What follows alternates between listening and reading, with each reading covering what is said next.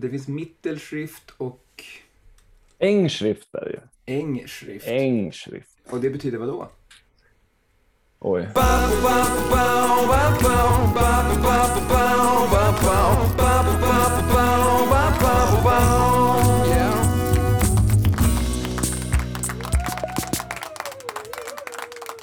Hej och välkomna till Inte min typ. Episoden där jag pratar med Christian Möller om sitt, Eh, vi kan kalla det, tratexintresse och typsnittet som kunde ha blivit vårt nya vägtypsnitt, Strab. Jag har också pratat med en ikon inom vägskyltningsdesign och typografi, Margaret Calvert, som tillsammans med Jock Kinnear är ansvariga för den brittiska vägskyltningssystemets delar med dess piktogram och typsnitt som heter Transport. Jag drar det här sista på engelska också för de som har anslutit sig from abroad. If you're waiting for the Margaret Calvert interview, you'll find it 23 and a half minutes into the podcast. Nå, tillbaka till Tratex. Förra hösten så damp det ner en fet pappersprovsbok från Arctic Paper där de lanserade sitt rebrandade varumärke Munken. Och detta med det nya typsnittet Munken Sans av Lorentz Brunner. Det var inte första gången någon gett sig på ett baserat typsnitt på Tratex. Vi minns kanske alla Konst och Tekniks version Tratura för Site Magazine redan 2007. Och Munken Sans var inte heller den senaste Tratex-varianten, för ungefär ett halvår senare så dyker Andreas Nymarks nytolkning Tranemo upp. Så, då ska vi ta ett snack med Christian här. Vad är ditt intresse för Tratex sprunget ur? Hur började det? Nej, men mitt intresse för Tratex började ju någon gång, jag måste tänka nu, i början av 2000-talet. Det var väl liksom i samband med att Tobias Ferry Jones lanserade ju Interstate som en, den här tolkningen på Federal Highway Administration, eh, typsnittet som används i USA och gjorde liksom en kommersiell satsning eh, eller en kommersiell version av den. Och jag kommer ihåg den användes mycket på 90-talet eller från ja, i slutet på 90-talet. Det var väl rätt populär även in på 2000-talet. Men det var, tyckte jag, en lyckad övergång från att, att ta någonting som är byggt för ett specifikt ändamål och sen lyckas lyfta fram det som är bra och göra det till ett typsnitt som eh, kommer fler människor till gang då, även i andra sammanhang, ja, kommersiella sammanhang framför allt. Det tyckte jag var bra och då tänkte jag, här vill man ju kanske göra någonting något liknande med det svenska motsvarigheten som, eh, som vi har och som heter Tratex. Så jag började väl undersöka det där i samband med det och hittade att en digitalisering av Tratex som han Carl Wångstedt, tror jag han heter, lärare och formgivare verksam i Bollnäs. Han gjorde liksom på uppdrag av Vägverket så gjorde han en digitalisering utifrån de liksom CAD-ritningar som Chester Bernsten hade satt ihop. Chester Bernsten, han jobbar ju då på Transportstyrelsen. Det är i alla fall han och KG Gustafsson då, som får cred i, i den programvaran som Wångstedt tog fram. Men eh, jag tyckte aldrig att den var så bra. Wångstedts version och den var liksom, egentligen var det bara CAD-ritningar rakt av, ganska kallt, dåliga ankarpunkter, vektorer och sånt där. Också storleken på kägen var inte liksom anpassad för eh, den typen av sättning som vi använder eller som vi använder mest idag i digitala sammanhang. Så tänkte jag att jag från början skulle bara, jag vill göra en egen version. Men den här versionen som du kollade på, var den relativt i övrigt trogen förlagan? Till 100 procent. Så den följer liksom, Chester Bernstein gjorde ju på, jag tror från, från 70-talet så gjorde han utifrån KGs förlaga gjorde han en, en förbättring för, jag tror efter högertrafikomläggning på 60-talet, 67 eller något sånt där. Och sen in på 70-talet så, blev liksom, så bytte man material i skyltar. Det blev mer reflekterande skyltar och när strålkastaren då slog i dem där så blev det, eh, det halofiering. Så då tillriktade Chester Bernstein om typsnittet och anpassade det för de här nya materialen. Och det är väl den då som låg för, som förlagare för det som Carl Wångstedt sen eh, digitaliserade. Och det är den versionen som man kan ladda ner från eh, Vägverkets sida idag? Ja, precis. Transportstyrelsen Transport. heter det idag. Ja, precis. Och de är, det är de som tillhandahåller alla, alla vägmärken, alltså påbudsmärken, förbudsmärken och allt sånt där. Och även typsnittet då. Och där har det inte gjorts någonting mer sedan eh, början av 2000-talet, då, 2002. Så det är samma programvara som ligger där nu i TrueType och gammal PostScript version då för, för Macintosh. Det finns även för Windows. Och det, det är framförallt då primärt då versal, det versala alfabetet som, heter, som kommer i en positiv och en negativ sättning. Och sen finns det även en versalgemen variant som heter svart och en som heter vit. Så att det här är lite olika om, användningsområden. Då. Men eh, precis som Sverige och jag tror Frankrike och några andra länder har ju nästan uteslutande bara versal sättning på lokaliseringsmärken av olika slag för biltrafik. Och det är lite trist och lite svårläst. Jag vet inte om det bygger på någon undersökning i sig, annat än att visst, versaler blir större bokstäver och syns tydligt från långt håll. Skapar inte samma kogniens hos läsaren som gemen text. Jag läste lite grann i den här äh, utredningen som äh, Tolander och Olofsson hade gjort. Just det. Det finns väl någon form av äh, internationell standard, men om vi tar USA, Kanada, Storbritannien, Frankrike och Sverige då, tror jag de refererade till. Så det var just Sverige och Frankrike som sätter orter i versaler. De engelska har väl versalgement, så vitt jag vet. Och även engelska, precis, de. England då, transport, det är ju versalgemensättning. Transport används i Storbritannien och även då i, skulle jag säga, det inspirerat även det som heter, det danska systemet också versalgement och heter dansk vejtavelskrift. Ja, såklart. Och även det, det norska trafikalfabetet använder också versalgemensättning i stor utsträckning och det, det, är faktiskt en av mina favoriter. Eh, den är fin, den är lite så här din det är som en hybrid mellan transport och DIN. DIN-skrift som används i eh, Tyskland och jag tror det finns lite andra varianter som påminner också om det. I Schweiz har väl SNV-fonten, även i Belgien tror jag det finns liksom lite så här DIN-inspirerade typsnitt. Men om vi backar bandet lite grann då bara. Du tänkte ge dig på att Frere Jonesifiera Tratex vid någon punkt där. Just det, precis. Samtidigt så jag tyckte det var ganska charmigt. Jag vet det var, fanns en källa där. Jag tror, jo men det var, det var nog Carl Wång som skrev att KG Gustafsson var illustratör eller formgivare, men han var ju också ingenjör. Han, han menar ju på att han ritade ju inte ett alfabet utan han konstruerade ett alfabet. Så det är ju väldigt konstruerad uppsättning tecken som är ritade med passare och linjal och ganska osexigt tillriktad. Det, är så här, det spelar ingen roll om, om bokstaven är bilateral eller, eller om den är icke bilateral. Om man tänker T till exempel så ligger den centrerad på sin teckenbredd. Men jag tror alla tecken är centrerade på sin teckenbredd matematiskt. Det är liksom ett E behöver oftast, de har en stapel och en öppning, behöver mer luft till vänster om stapeln än till höger om eh. Men här tar jag liksom, gör man ingen hänsyn utan varje tecken är centrerad typ. Och jag ville på något sätt behålla den där känslan av eh, det här ingenjörskapet bakom. Men det jag ville göra var framförallt tvätta upp det och Eh, ta bort onödiga ankarpunkter och jämna till och förfina. Ungefär som jag tänkte att man skulle göra om man skulle förbättra typsnittet för vägar idag. Jag vill att det ska fortfarande fungera för vägar och för skyltsammanhang. Ja, nej, men jag tänkte bara för att det, det som till exempel de beskriver i eh, pressreleasen för Munkens Sans, det är ju att den har en tidlös skönhet, men det är ju inte den tidlösa skönheten om den ens existerar, utan det är väl framförallt yxigheten som är på något sätt skärmen. Sen huruvida man vill accentuera den eller liksom på något sätt ta hand om den. Det är väl knappast en ingenjörsritad eh, Futura-variant som är liksom själva det tjusiga med den.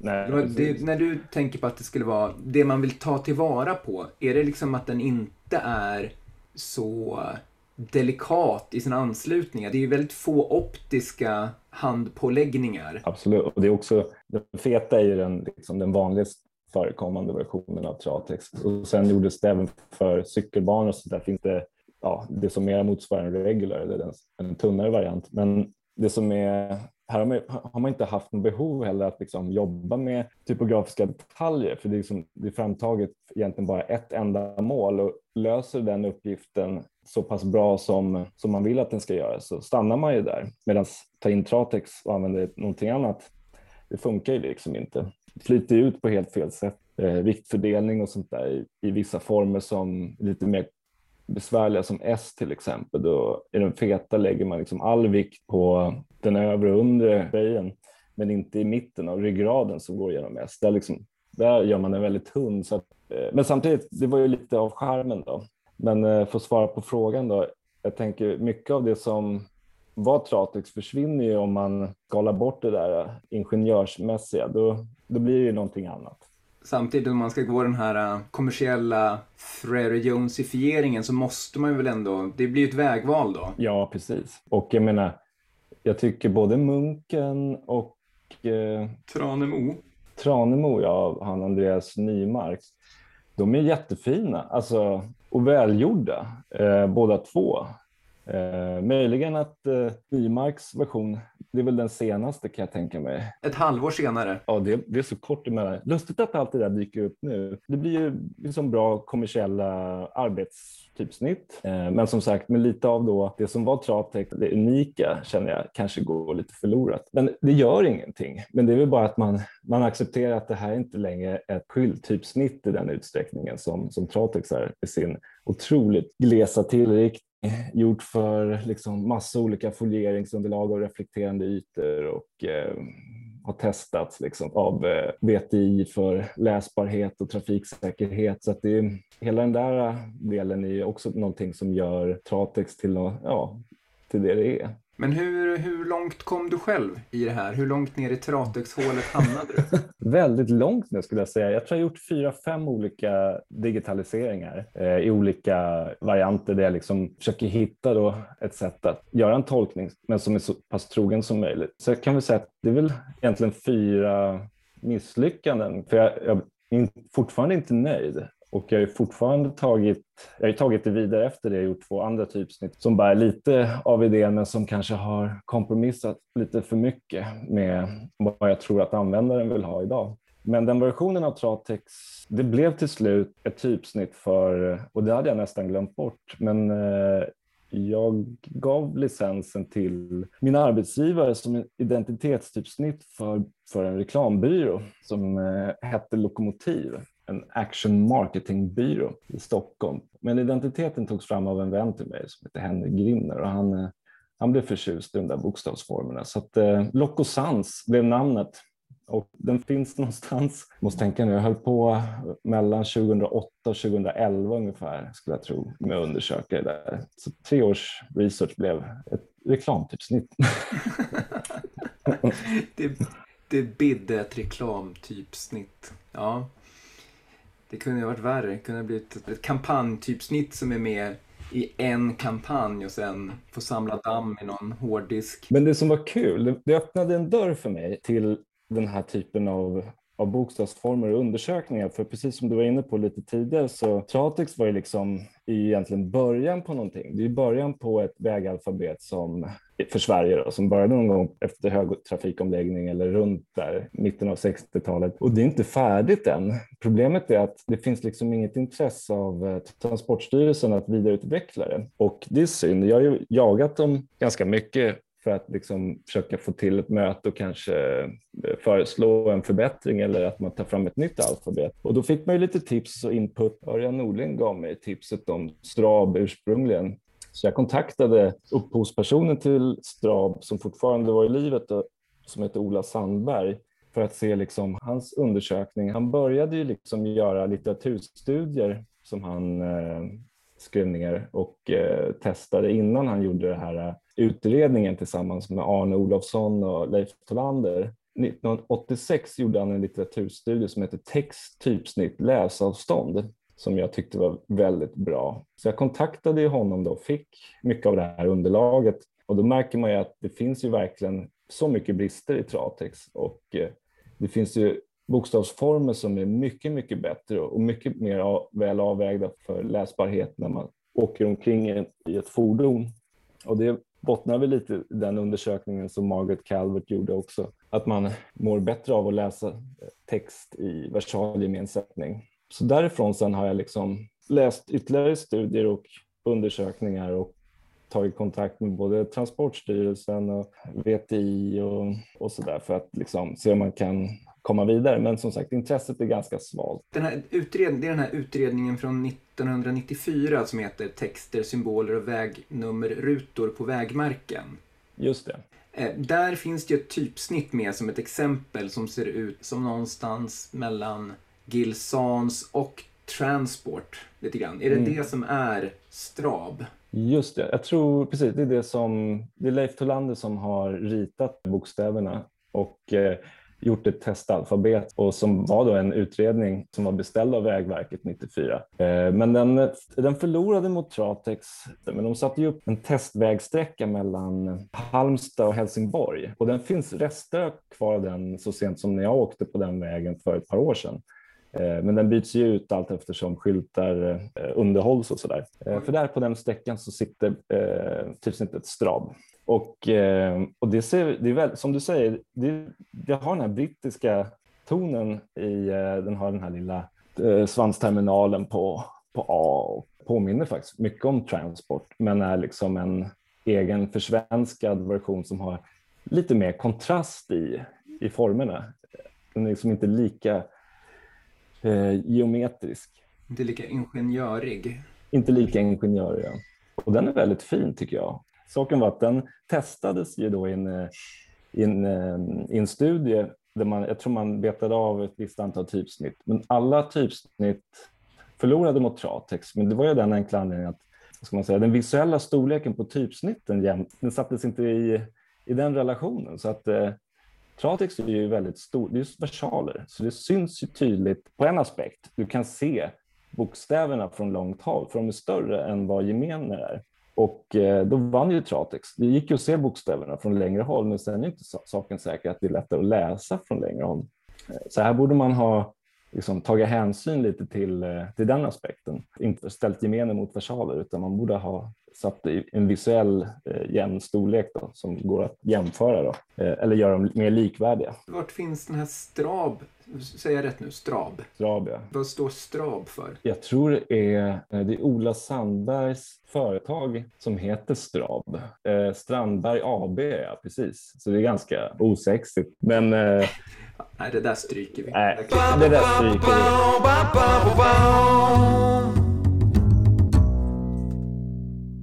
Om jag skulle sätta mig ner och göra en Tratex idag, eller ett, ett nytt trafikalfabet, då skulle var med utgångspunkt lite utifrån det som Strab och alla andra liksom, studier sen eh, Centratex kom fram liksom, tar fasta på. Jag tycker till exempel att hela det här Clearview-projektet som eh, Terminal Design i eh, Amerika tog fram för eh, Vägverket och det används väl i några länder. Men det som var intressant med det i alla fall, det var att där tar man också fasta just på gemensättning men det man gjorde var ju då att man gjorde gemen x-höjd i förhållande till versalhöjd väldigt hög. Versalerna är relativt väldigt korta jämfört med gemen x-höjd. Jag tror det, om man ser en vanlig relation i, i en modern sans-serif så är liksom versalhöjden är 7, gemen x-höjd är 5.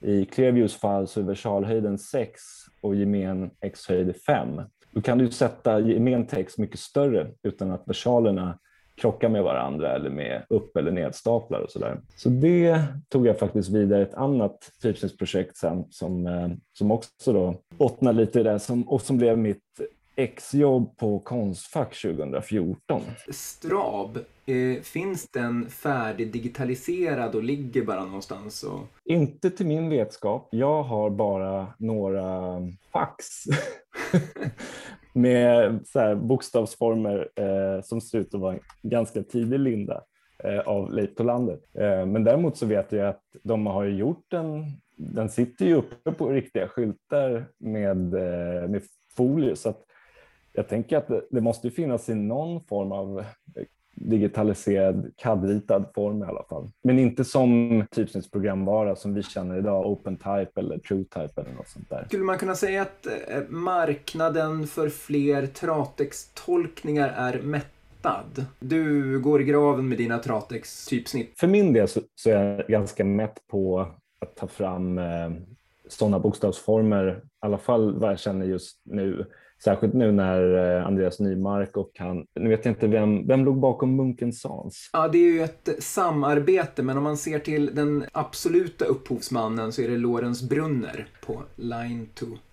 Just det. Nej, men jag tycker båda fyller de funktionerna som eh, jag tror de flesta behöver. Så jag ser liksom inget behov av personligen av en ny travtext. Däremot så tror jag att alla som vill på något sätt skapa bokstäver ger helt rätt i att börja någonstans. Och varför inte börja med det, den typen av bokstäver som man ser varje dag och försöka försköna dem. Och jag tror därför det är så tacksamt att göra travtext och göra sin egen tolkning. Det känns som att det har ett eh, samhällsnyttigt värde. Man vill förbättra och om man är formgivare eller bokstavsformgivare så varför inte börja då med det som alla människor i samhället ser och använder vare sig de vill eller inte. Vi har ju liksom inte en uppsjö av typsnitt i Sverige som, eh, som är en del av eh, den visuella väven som vi omger oss med. Men vi har, vi har vårt Tratex. Vi har vårt Tratex. En av anled anledningarna jag fick när jag intervjuade Chester Bernsten att varför, gör man inte, varför vidareutvecklar man inte de här bokstavsformerna och förbättrar dem för vägskyltar? Mitt svar då, och det här var typ kanske 2010 eller innan, han menade på att vägskyltar kommer känna ut sin roll i en ganska snar framtid och att all text vi läser på vägen kommer ske i, i en terminal inne i fordonet. Så att vi kommer liksom inte ha vägskyltar längre utan det kommer vara en display i bilen. Bilen kommer läsa upp eller sköta det här åt oss. Jaha, det var ju eh, en, en, en framtidsvision jag inte hade mm. blivit mm. Underrättad om. Nej, precis. Och jag tror det kändes lite för... Man tyckte det här är lathet snarare. Man liksom skjuter ansvaret på fordonstillverkare eller på, på framtiden. För jag menar, redan nu möter man ju digitala skyltar i större utsträckning på vägen. Vi har ju de här äh, LED-displayerna som får högre och högre upplösning. Ja, det verkar ju vara en mer sannolik väg framåt med digitala skyltar snarare än att det är ja. bilarna som innehåller ett helt skyltsystem. Ja, men precis. Och, eh, och det existerar redan, men eftersom man inte har vidareutvecklat Tratex för den här typen av, av teknik så är ju liksom jag skulle säga att det ser riktigt gräsligt ut ibland läsbarhetsmässigt och även för att när du renderar liksom den här Carl Wångstedts eh, gamla typsnitt på en sån här skärm så får du ju liksom artefakter, du får ju eh, saker som inte var en intention från början utan det är snarare ett resultat av att man har en bokstavsform som inte är gjort för ändamålet. Och här ska man verkligen behöva jobba med läsbarhet? För plötsligt är man tillbaka där man var i digital typografi för 20 år sedan med lågupplösta skärmar och hintning, kunna återskapa en bokstavsform med dålig sampling, alltså lågupplöst. Jo, men, eh, men att här, här skulle man ju också kunna liksom systematisera en, en tratex. Nu vet jag att de här nya varianten, de har ju utökat vikter bland annat och gjort det liksom mer kommersiellt användbart. Eh, men här skulle man behöva förutom vikt skulle man ju behöva även en eh, variabel för, för bredd så att man kan sätta alla påbuds och förbudsvägmarkörer lite snyggare och enhetligare. Låter som ett, ett digert ett digert fantasiuppdrag det här. Mm, ja, verkligen. Ja, ja. Vi kanske får ta saker i egna händer. Köra av vägen och säga att det var typsnittets fel. Precis, det blir storytellingen. Ska vi säga så du, tack så mycket mm. för idag. Vi Tack, det gör vi. Ciao!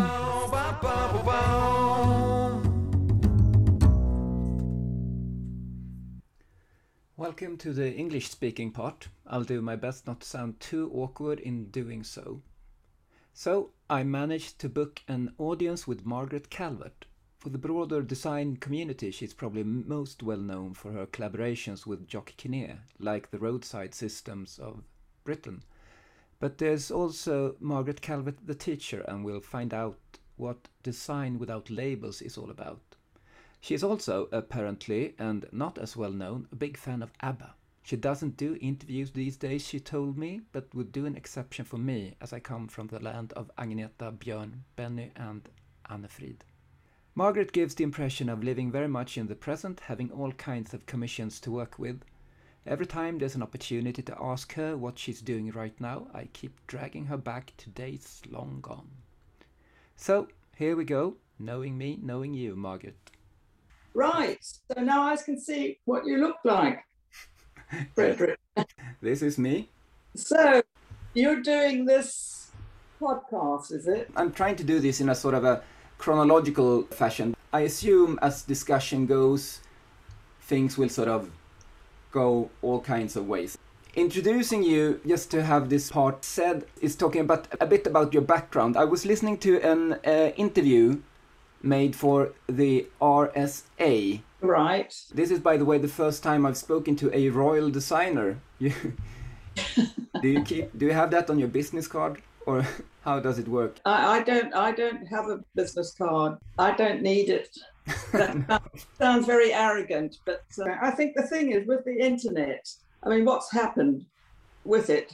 There's stuff on it that um, you know I wouldn't ne- necessarily choose to have there, but it's just there. So I don't even need a website because it just seems people seem to know, you know, what I'm doing, what I've done, because it's all out there. Like you got in touch with the Royal Designers, and I don't know how you knew that I was on that, but you seem to know. You probably know more about me than I do myself. I was born, as you know, and everybody knows, in 1936 in South Africa and I came to this country in when I was 13. So, I mean, basically, that was my beginning. You traveled with your mother, your sister, and a stray dog. I've made a note of. When you came to England after the war, most people's impression of post-war Britain is is a rather damp place, but yours your experiences were quite positive. You're absolutely right. Um, I think one of the reasons was I had lots of relatives on my mother's side, but all I know is that, of course, I love South Africa, but it was just being met at Southampton, and there were these aunts and cousins and uncles, I'm ashamed to say, wearing fur coats. And it was just so, um, you know, lovely to have aunts.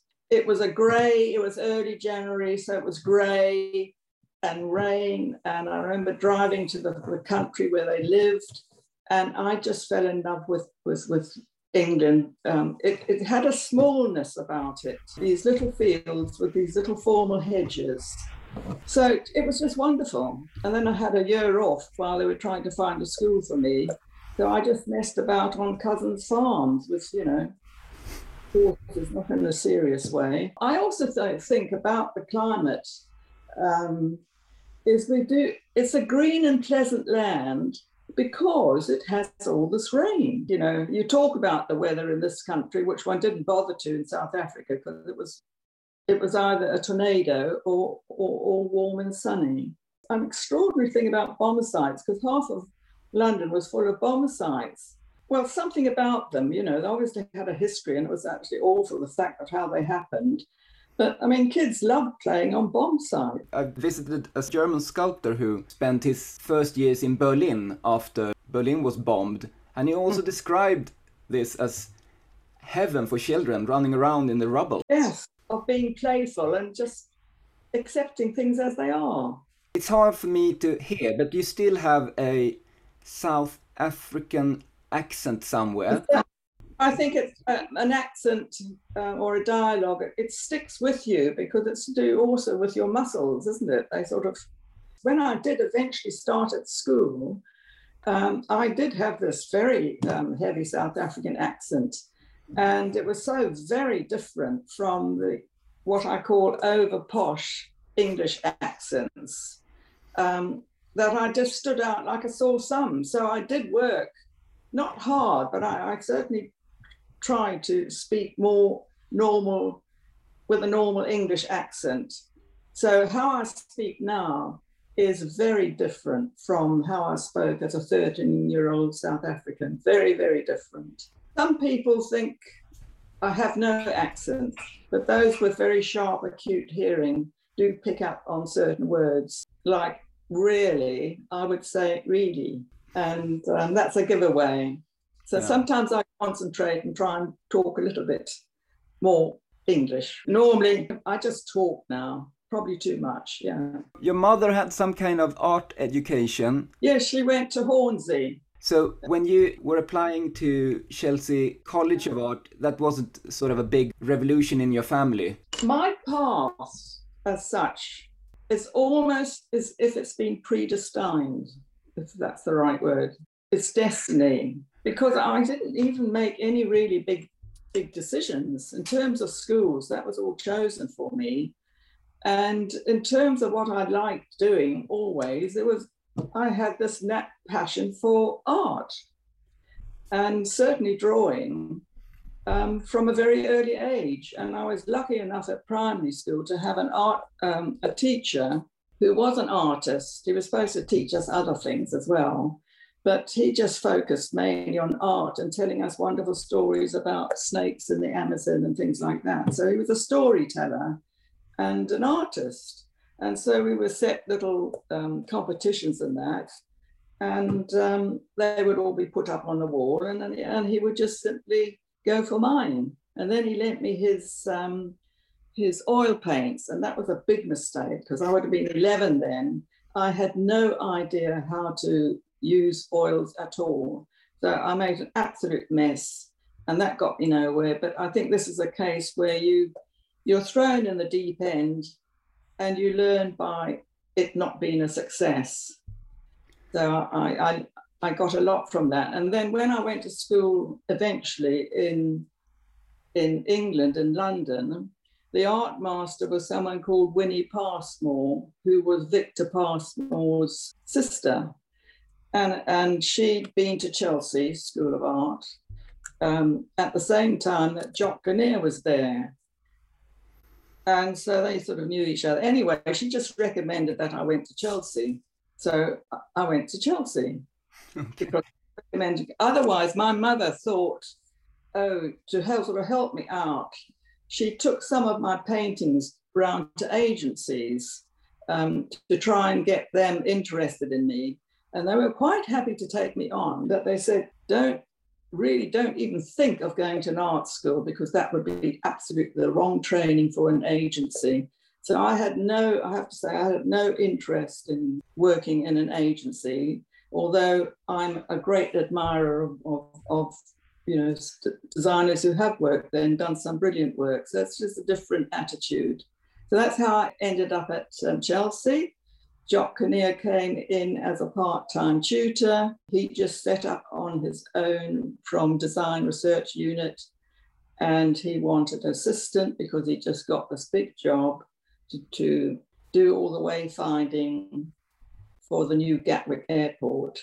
And so that's where we started.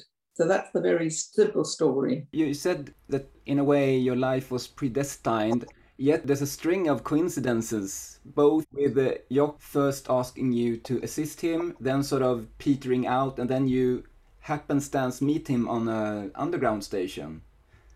Yeah, oh, that's right. Yeah, later, yeah, that... when when he gets the Gatwick job, that seems also yeah. out of uh, coincidence. Yes, I mean, um, well, complete coincidence. It's it's just weird because uh, the, uh, the story is that you know he offered me this job. I was really arranging then to go on to teachers training year because that's the norm too, but I didn't want to do that at all. And um, so the job was offered, and when I said what would be involved, he said rather snootily, "Well, absolutely nothing like what you're doing here." so I took that on board um, so then that was all fixed up. It was going to happen. Very excited. And then the following week when he came in, it was all off. And so, you know, that was a terrible disappointment, as you can imagine. So, you know, it was off. And then towards the end of term, I happened to bump into him on Ealing Broadway Station. And he just finished doing an exhibition at Wembley for the Milk Marketing Board because he did lots of exhibition designs then really good one, brilliant ones. And just the, the shock of bumping into me, it was just suddenly all on again. and so the following day, I went in, had coffee, and started from there. So it was a really big learning curve. And he was absolutely right in saying it was nothing like what you what I was doing at Chelsea, which was mainly printmaking and illustration. And I, have scribbled something down here, uh, a quote. You have to brush up on your typography. That's right, absolutely. Yeah, I had no typography. I didn't even know what the word meant.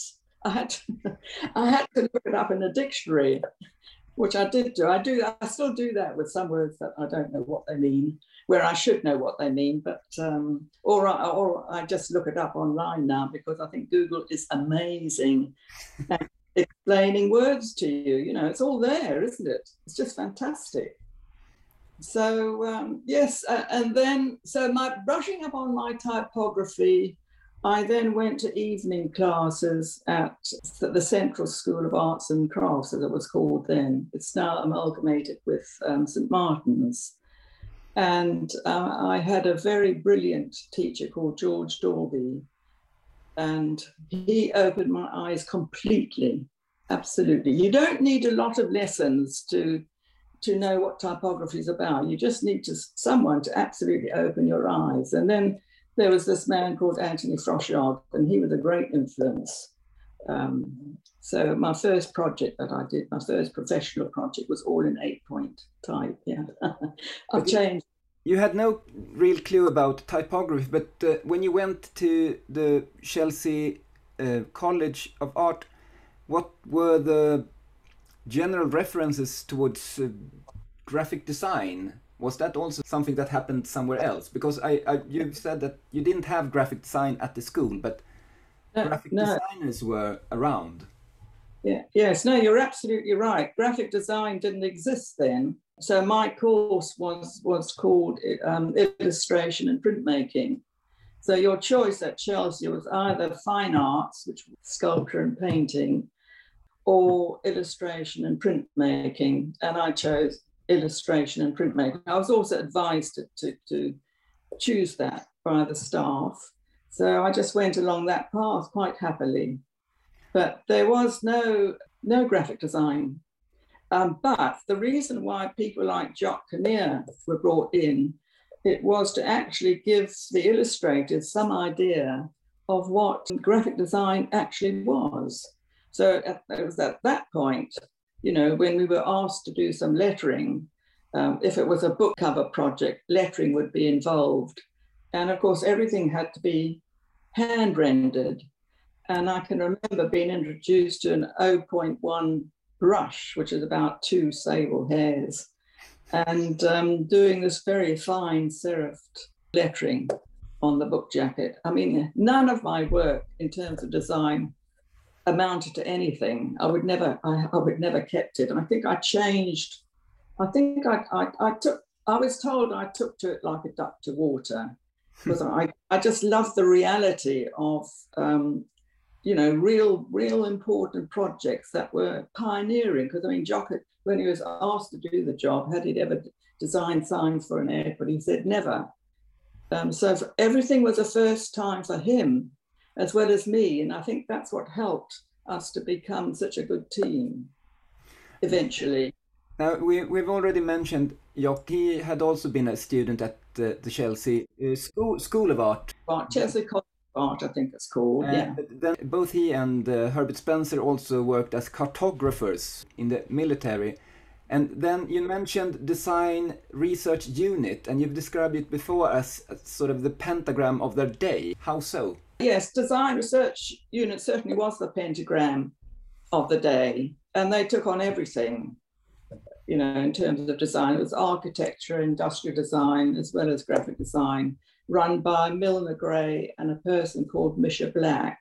So Misha Black also played a very important time in my life because how I got connected with how I started with the Royal College of Art was simply working with Jock was fine, but I, I just feel I felt I needed something more. It was it was not exactly lonely, but um, a bit limited in, in that respect.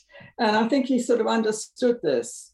And so um, Misha Black, who was the professor of industrial design, product design at the Royal College of Art, asked Jock if he knew anyone who could give the industrial design students an introduction to typography, right? So Jock suggested me. So that's how I started with an afternoon a week teaching young industrial design, giving them an introduction to typography. And I have to say, I set them the instructions for a parking meter I mean, you know, a very, very dry pr- project. But some of them took to it. I mean, it was just amazing. Others would try and bamboozle me with the, their jargon, right? I think having a, a youngish woman teaching them was quite a novelty. So um, that sort of that worked out. And then Professor Guyatt, who was the professor of printmaking, graphics, and photography and film at the Royal College of Art, he wanted someone to teach, do the same thing with the illustrators. So I did, um, and, but I had to drop the industrial designers because I didn't have that time. I only had that one afternoon.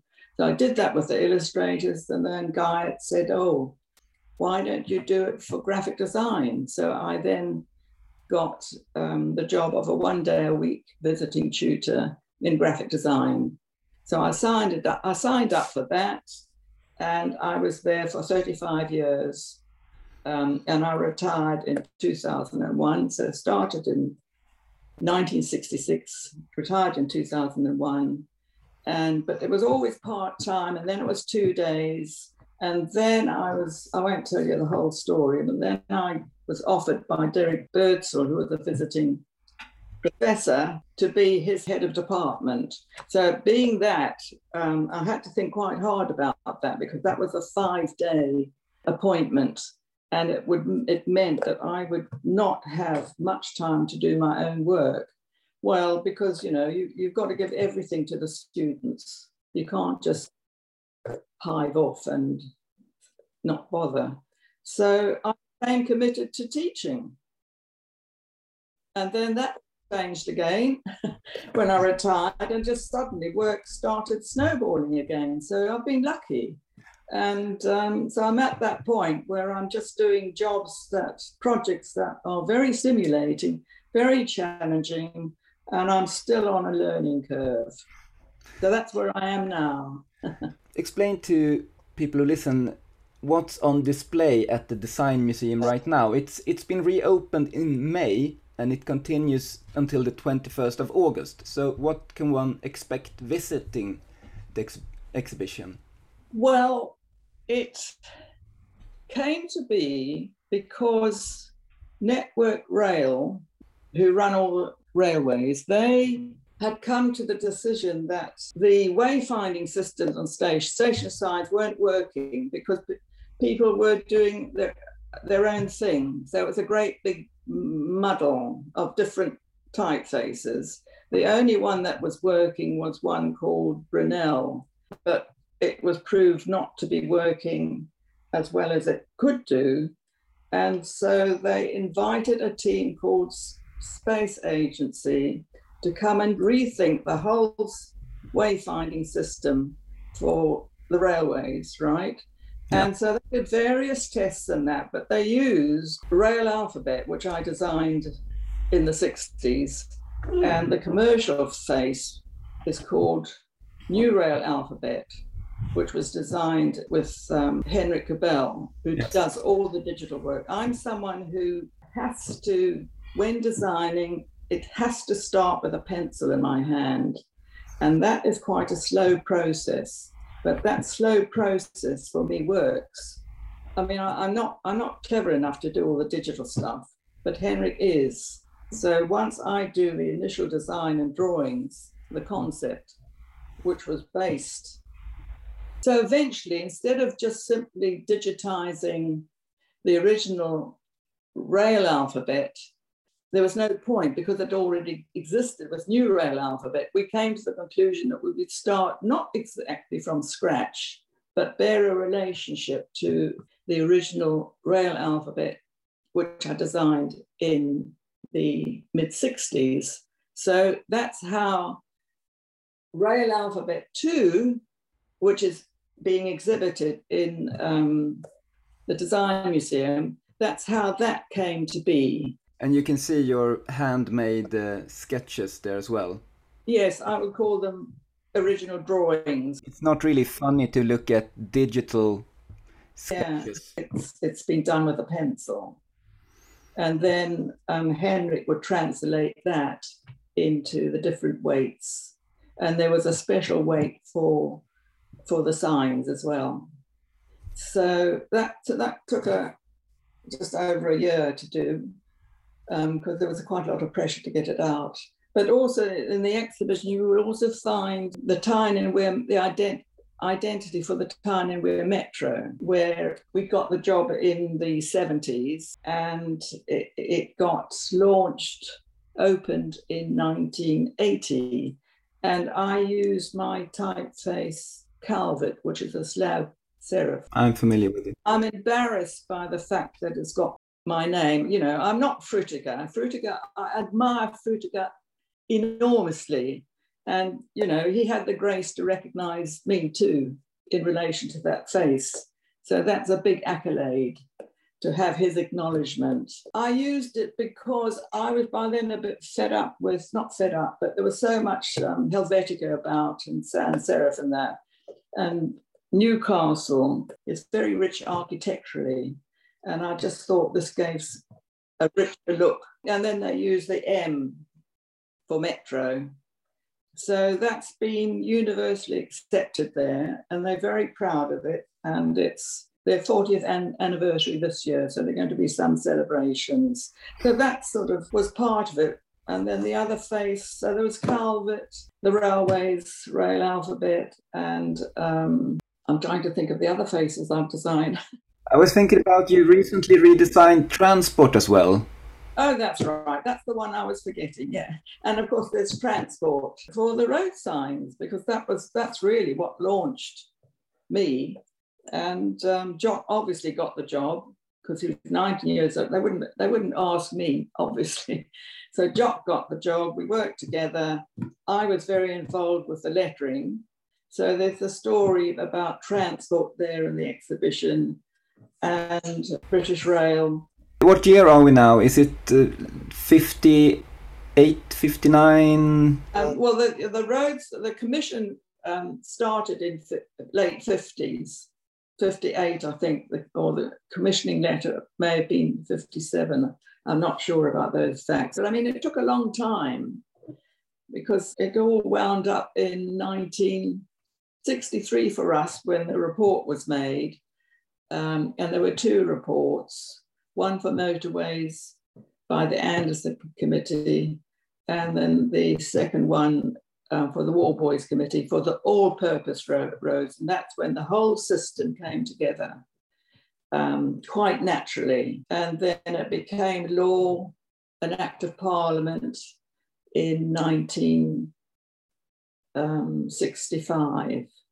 And then we've had nothing to do with it since then because you know, that was end, that was the end of it. It's the Ministry for Transport that took it over and worked on things. They keep in contact with me occasionally. They're civil servants, and I have to say they're very dedicated and they take it very seriously. Do you still react when you see the signs, thinking, "I did that"? Well, people often ask, "What's it like seeing your work around every day?" And I actually quite like to keep a low profile. So you know, a few local neighbours and that know what I'm about. Um, and quite a few people I find saying, hello, Margaret, when I haven't a clue who they are. they, they, might have seen something on, on television or, or whatever. So I do keep a low profile, and that's why I avoid doing interviews like this. This was finished around 1963. When when I look at other things, we have that rather beautiful logo you did for that fishmonger called. Oh, Burkett. Yes the yeah. white vans and the very stylized fish. Yes, yes. the story the story about that is um, the actual fishmonger, who was a close friend of Jock's. He ad- so admired the motorway signs because they were huge. You know, they came under a lot of criticism from the establishment, but he was so impressed by that he wanted something related to it a bit. So I mean, to me, it was. Um, I, th- I somehow ideas just sort of come. They seem to be natural. And so a fish. I mean, nothing could be more obvious than a fish. True. It's, it's a Christian symbol, is it not? In terms of ah yes. And so it was just a matter of putting that together with the word. And of course, I was very into Akzidenz Grotesk. I loved that typeface. And the other thing, was very important to have the vans white because they would need a lot of cleaning. And if you're carrying fish about, you'd want your vans to be very clean. And the, the good thing is that the drivers actually love the identity. And that gives me more pleasure when people involved in what you've done like and appreciate it and understand it than simply the client. So this is uh, around 1963. When when do you start to refer to yourself as a graphic designer? Because this isn't really uh, clear yet. You said that you didn't feel like a graphic designer at the time when you did this uh, identity for Burkett and Rudman. Well, it's a funny thing about terminology graphic design. I always sometimes don't know what I am. And I just don't like labels. That's the thing. and I've been so I've been called a typographer. Well, I think that's a very um, I mean, to be called a typographer, you really have to know what you, are about. But in terms of graphic design now, particularly because of working online and digitally, somehow solutions come very quickly, and there's just so much of it about. But um, I, have almost lost interest in it. So in the sense, I have I'm, I'm mainly only focused on what I'm doing. It has to be my my story. So what I'm doing takes up my time. And uh, if you just following the timeline, uh, by 1966 you're a partner at your firm. Not a partner, an associate. The partnership came much later in about 1972, around about then. And interestingly, David Tuhill, who was a student at the Royal College of Art, where both Jock was once head of department there as well. I seem to follow in his footsteps. David invited himself to join our firm, uh, well, the two of us. So it was that point that Jock thought it would be a good idea to become a limited company because you're protecting yourself then. So David became a, a, partner in that sense. We were three partners and we were called Kinneir Calvert and Tuhill Limited. And so that story and i think jock thought you know because he was he was nearing retirement age. He didn't want to go on after 60 he had lots of things. He wanted to write a book which he did do and paint and do wonderful things in his garden and design his own house which he did. He designed both of his house so he was an extraordinary man in that respect and he thought once he left that it would just be David and me. But David stayed six years and then then he left. And so I was on my own with someone called Mason Edwards. We took most of our assistants from, well, we can't call them assistants, they're really designers from the Royal College of Art. So it's quite a sort of tight, neat family. And so it was just Mason basically and me. So we fold, we wound up the company.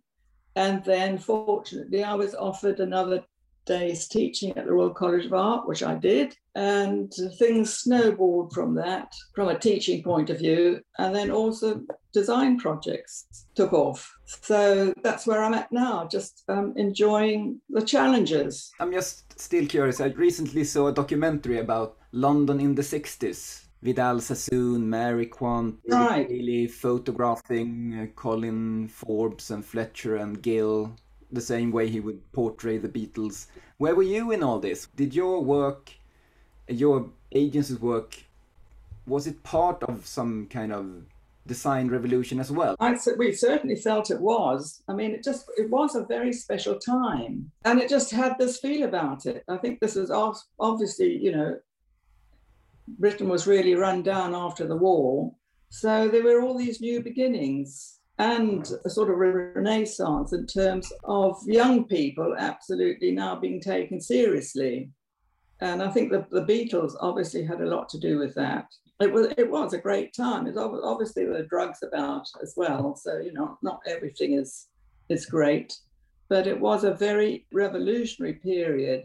But also, I like to think that the beginnings started in the 50s and that we don't talk enough about the 50s. Now, I've been reading this issue of typography papers called Modern Typography in Britain, and it, it's about graphic design from, from post war up until the 70s. And oh, yeah.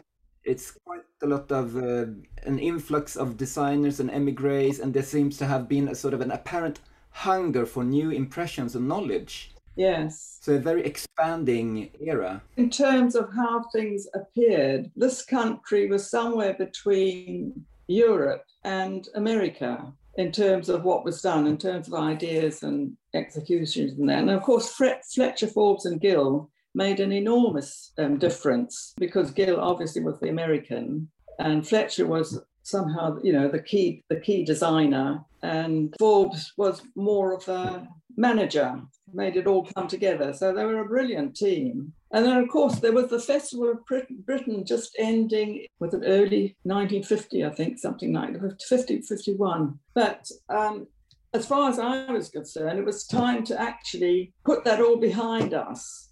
I mean, the Royal Festival Hall is a brilliant building in relation to the Festival of Britain, and that still stands but there was a lot of Victoriana about. And so, sort of the new typography, or whatever you like to call it, internationalism, I think that took hold. Modernism, yeah, took hold. Well, it did for me.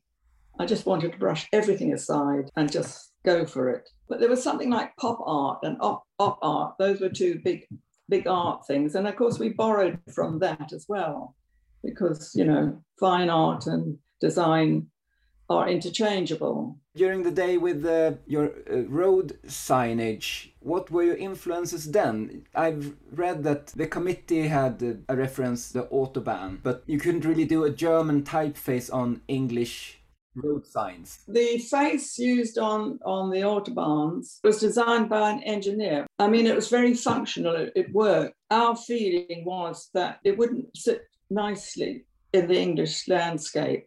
And we just wanted to start from scratch, which we did do. And that was a good thing. So we started from scratch.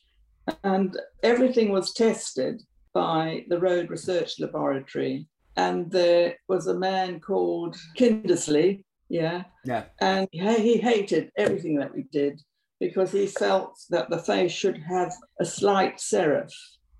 And so he designed his, and all be in capital capitals? Well, we know that capitals, the big change was to have upper and lower case, and that's what they had on the Autobahn. So in that respect, we were very much influenced but by what was happening in Germany. And I think one must also remember that the Germans got ahead of us.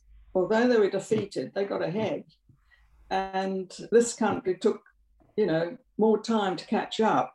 So in terms of motorways, there were obviously started being, built in the late 40s, I would have think, early 50s, and that could take a long time, and all the bridges and things.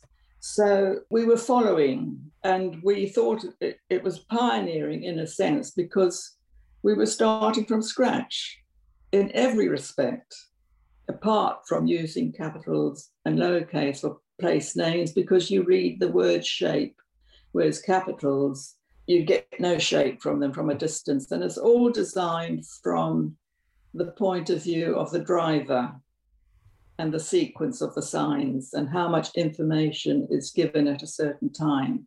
So legibility and identity and legibility was absolutely key.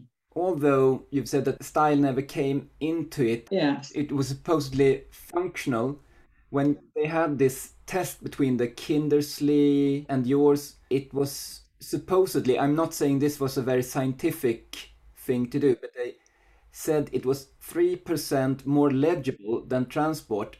But That's right. That Kindersley's letter were just so ugly. That was said by one of the members of the committee. So they decided the decision was ultimately taken on aesthetic grounds. Um, the good thing is it was designed for a purpose, a specific purpose. And you notice this in the design of the individual letters. And if you look at the terminals of the A, for instance, there's just a little, little upward movement at the end that works with the lowercase g and the L, which has a little curve at the end. A little tail because it has to be slightly letter spaced so that when you read a sign from a distance, a word, it all closes in, the spaces close in. So you have to sort of letter space, it's, it's slightly letter spaced so that you get exactly the right word shape at the right moment in terms of understanding what it's saying. What the word is, what the town is, the destination. But you draw the letters. Initially, Jock Kinneir had some design idea, but you have drawn them so much that when you redrew them several decades later, they were in your DNA in a way. Gosh, you've done it. You've done your research, haven't you? oh, poor man. yes, no, um, that's it and that's that's that's how I design. I'm not saying that my way is the right way at all. I mean, no, no.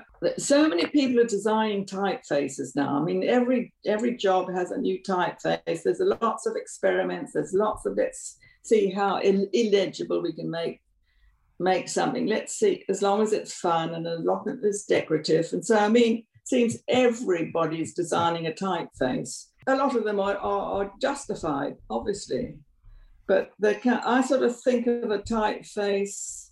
If you think of the human body, there's a skeleton, and if you think of the alphabet, the basic shapes are there, and it's how they're fleshed out. So, I mean, with the with the body, there are plenty of different shapes and weights, and I mean, literally weights, shapes of a, of a person, right? We'll say a nude. So the same with the typeface. There's the skeleton, which every child can draw from A to Z. We would recognize the characters, but the eccentricities creep in when someone starts doing it for a very different outcome or simply for the pure fun of it. You can do things for fun or you can do it for very practical reasons. Yeah, mine are usually purposeful, but I do it has to have an enjoyment factor because I could I couldn't do anything without it being a new challenge. I can't just keep repeating myself. So it has to be for a specific purpose. Everything I do is for a specific purpose. I don't just sit down and doodle and think something interesting will come from it. That is a lot of people's approach. Um, it has to be in my head first. And then I start playing with ideas and forms.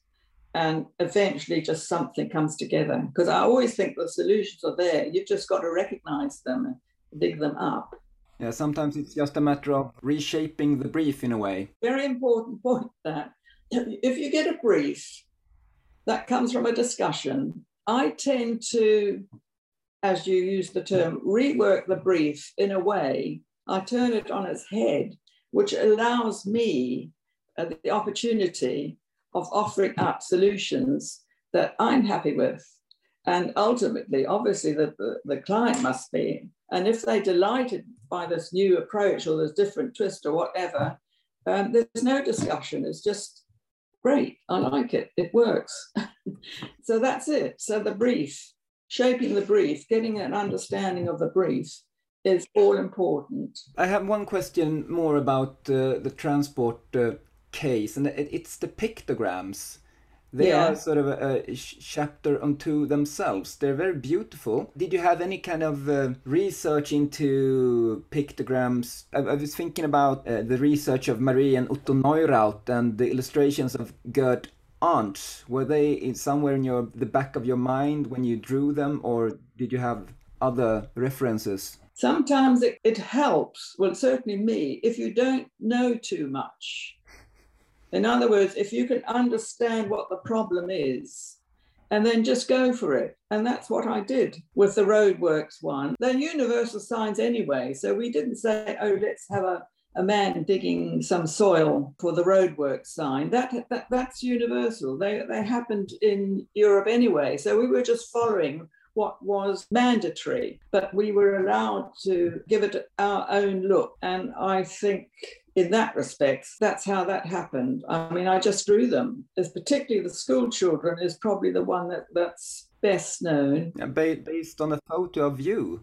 Um, it, it's well, the thing is, if you're not if you've not got any reference, you've always got yourself. and I have photographs of me at that age, and I was very skinny. But uh, the, the, the, the, to me, it was just like designing a letter form. It's about the negative and positive shapes. If you can get the negative shapes right, they form the positive shapes, if that's understood. And the children crossing one, I put the little girl leading the little boy because I thought it was more compassionate somehow. Whereas before there was a um, with the British one, there was a grammar school boy leading a, a girl with a, with satchels, and I thought they were too not inclusive enough. So inclusivity is important, and of course how something looks reads from a different, but also the animals, the deer and the and the horse and the cow were very important to me. And so I think, in a sense, um, they weren't pictograms in the, the strictly abstract thing, formal sense. They have a, a, more humanistic or animalistic quality about them. And they have a sort of an illustrative quality as well, transcends just the pictogram concept. Yeah. We have this uh, uh, road sign for elks in Sweden. Oh, right. Yeah. you have them. It, it's supposedly the world's most stolen road sign because we have a lot of German tourists who are crazy for elks, so they oh. they steal it. so right, the UK road signs used to get stolen not for the, the designs, but for because but because they were made in steel, and steel has more value than the actual design. So that's why they got nicked. But um, they've now changed the material, a much lighter material that, and now they don't get pinched. Now, uh, mo moving on to not the final phase, because the final phase is you right now. The phase we could call the RCA years, your role as a teacher. And I've, I've been talking to a few of your former students. One of them said was, uh, I don't think she would take credit for it, but her presence was supportive. I might go so far to say nurturing. And then giving examples of collaborative design groups that came about during your presence at the RCA, like Graphic Thought Facility, MM yeah. Paris, Åbäke. Yes. And I got to think, you, you started as a student working with Jock once. Was there something about collaboration that you thought was part of the education? I think our education tend to turn us into graphic designers working for oneself or working at an agency. You had a lot of groups think it's important to work as a group. I mean, that somehow that naturally happens, and they start to form uh, an association when, when they're students, sometimes for their different approaches. But I think working on your own is not easy because you've got nobody to sort of share, try your ideas out on. I mean, I'm on my own now, but I mean, I've reached that age where it's it's a natural thing to be, but I'm still collaborative with ex-students like Henrik Kubel, who we work very closely together.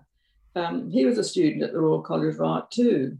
So it all sort of centered around the Royal College of Art. But the thing about the age of students at the college was, was, was sort of early to mid 20s, which is uh, it's the age where they're both accomplished, but they're still learning and discovering things and it's very, very stimulating to actually be involved with um, tutoring them because you learn as much from students as you do from yourself. So important that they are, you know, working in small groups collaboratively and that for just comradeship as well. So, what is design without labels then? Ah, well, that was the question. That is the question. Well, what we did at the Royal College, I mean, students that came came from all they'd already done four years somewhere, right, at, at a previous art college or abroad. So they they knew what graphic design was about, and they were expected to to form their own basis of what they were going to, how they're going to develop, what they're going to be involved in, and that. And it involved a lot of research as well. So they sort of knew what they were going for. But I just felt it was very important not to just sort of be there, um, to actually be given a project, almost a bit like mental arithmetic. It sort of wakes you up to what the issues are about. So I had this small group. I mean, they can opt, they could choose their electives, various electives. And so I had this small group, and I just suddenly thought, it's this, this thing with, with labeling. I just, I always believe that graphic designers should be working in other departments as well, you know, whether it's painting, sculpture, or ceramics. or industrial product design.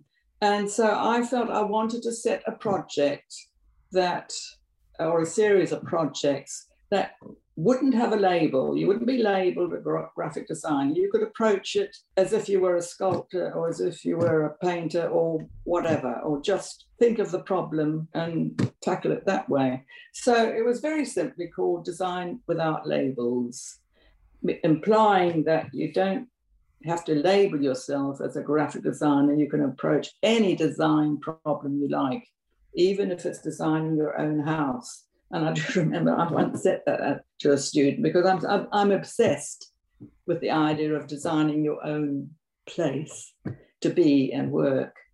And I thought he, he'd think that's ridiculous because, you know, it's not, it's not architecture. But he loved it. And of course, it was all based around an enormous swimming pool. So you, the, the front door you go in and it's a swimming pool. Anyway, so, you know, you could have I think the important thing also was the actual critics, the criticisms at the end of it. People would discuss their ideas, and it's what we actually said at that time and how we thought at that time. So it's very pertinent to how things were then. So my very first project, and also it's an introduction of the student to other students and to the staff by what they actually do. So I set this project, the first one was design your own front door. That was not to be taken literally. It could be metaphorically. So it's interesting in that if you do set a project, it's an inevitable that you, you, you think, oh, is it possible that they can actually do this? But what was always amazing is that students would come in with ideas that I would never expect. And that was the pleasure and the joy and excitement of it. And I can remember with the design your own front door one, one that I did remember was this one student came in with a full size um, paper mache embossed door. The doors were very interesting in this particular building, Stevens building. No, yes, it was then. So, I mean, you know, I would never have thought of doing that, but that, that said something about her. If I was to tackle that myself now, I think I know enough about it to have a go.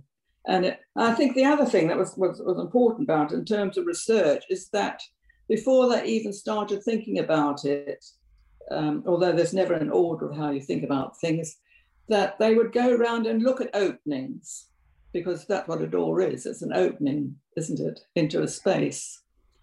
And in this country, a lot of the doors are painted different colours. I don't know if they are in Sweden, but we seem to delight in having our own. It's a statement in terms of what colour you, you do, or whether you actually stick to black, which I've done. Yeah.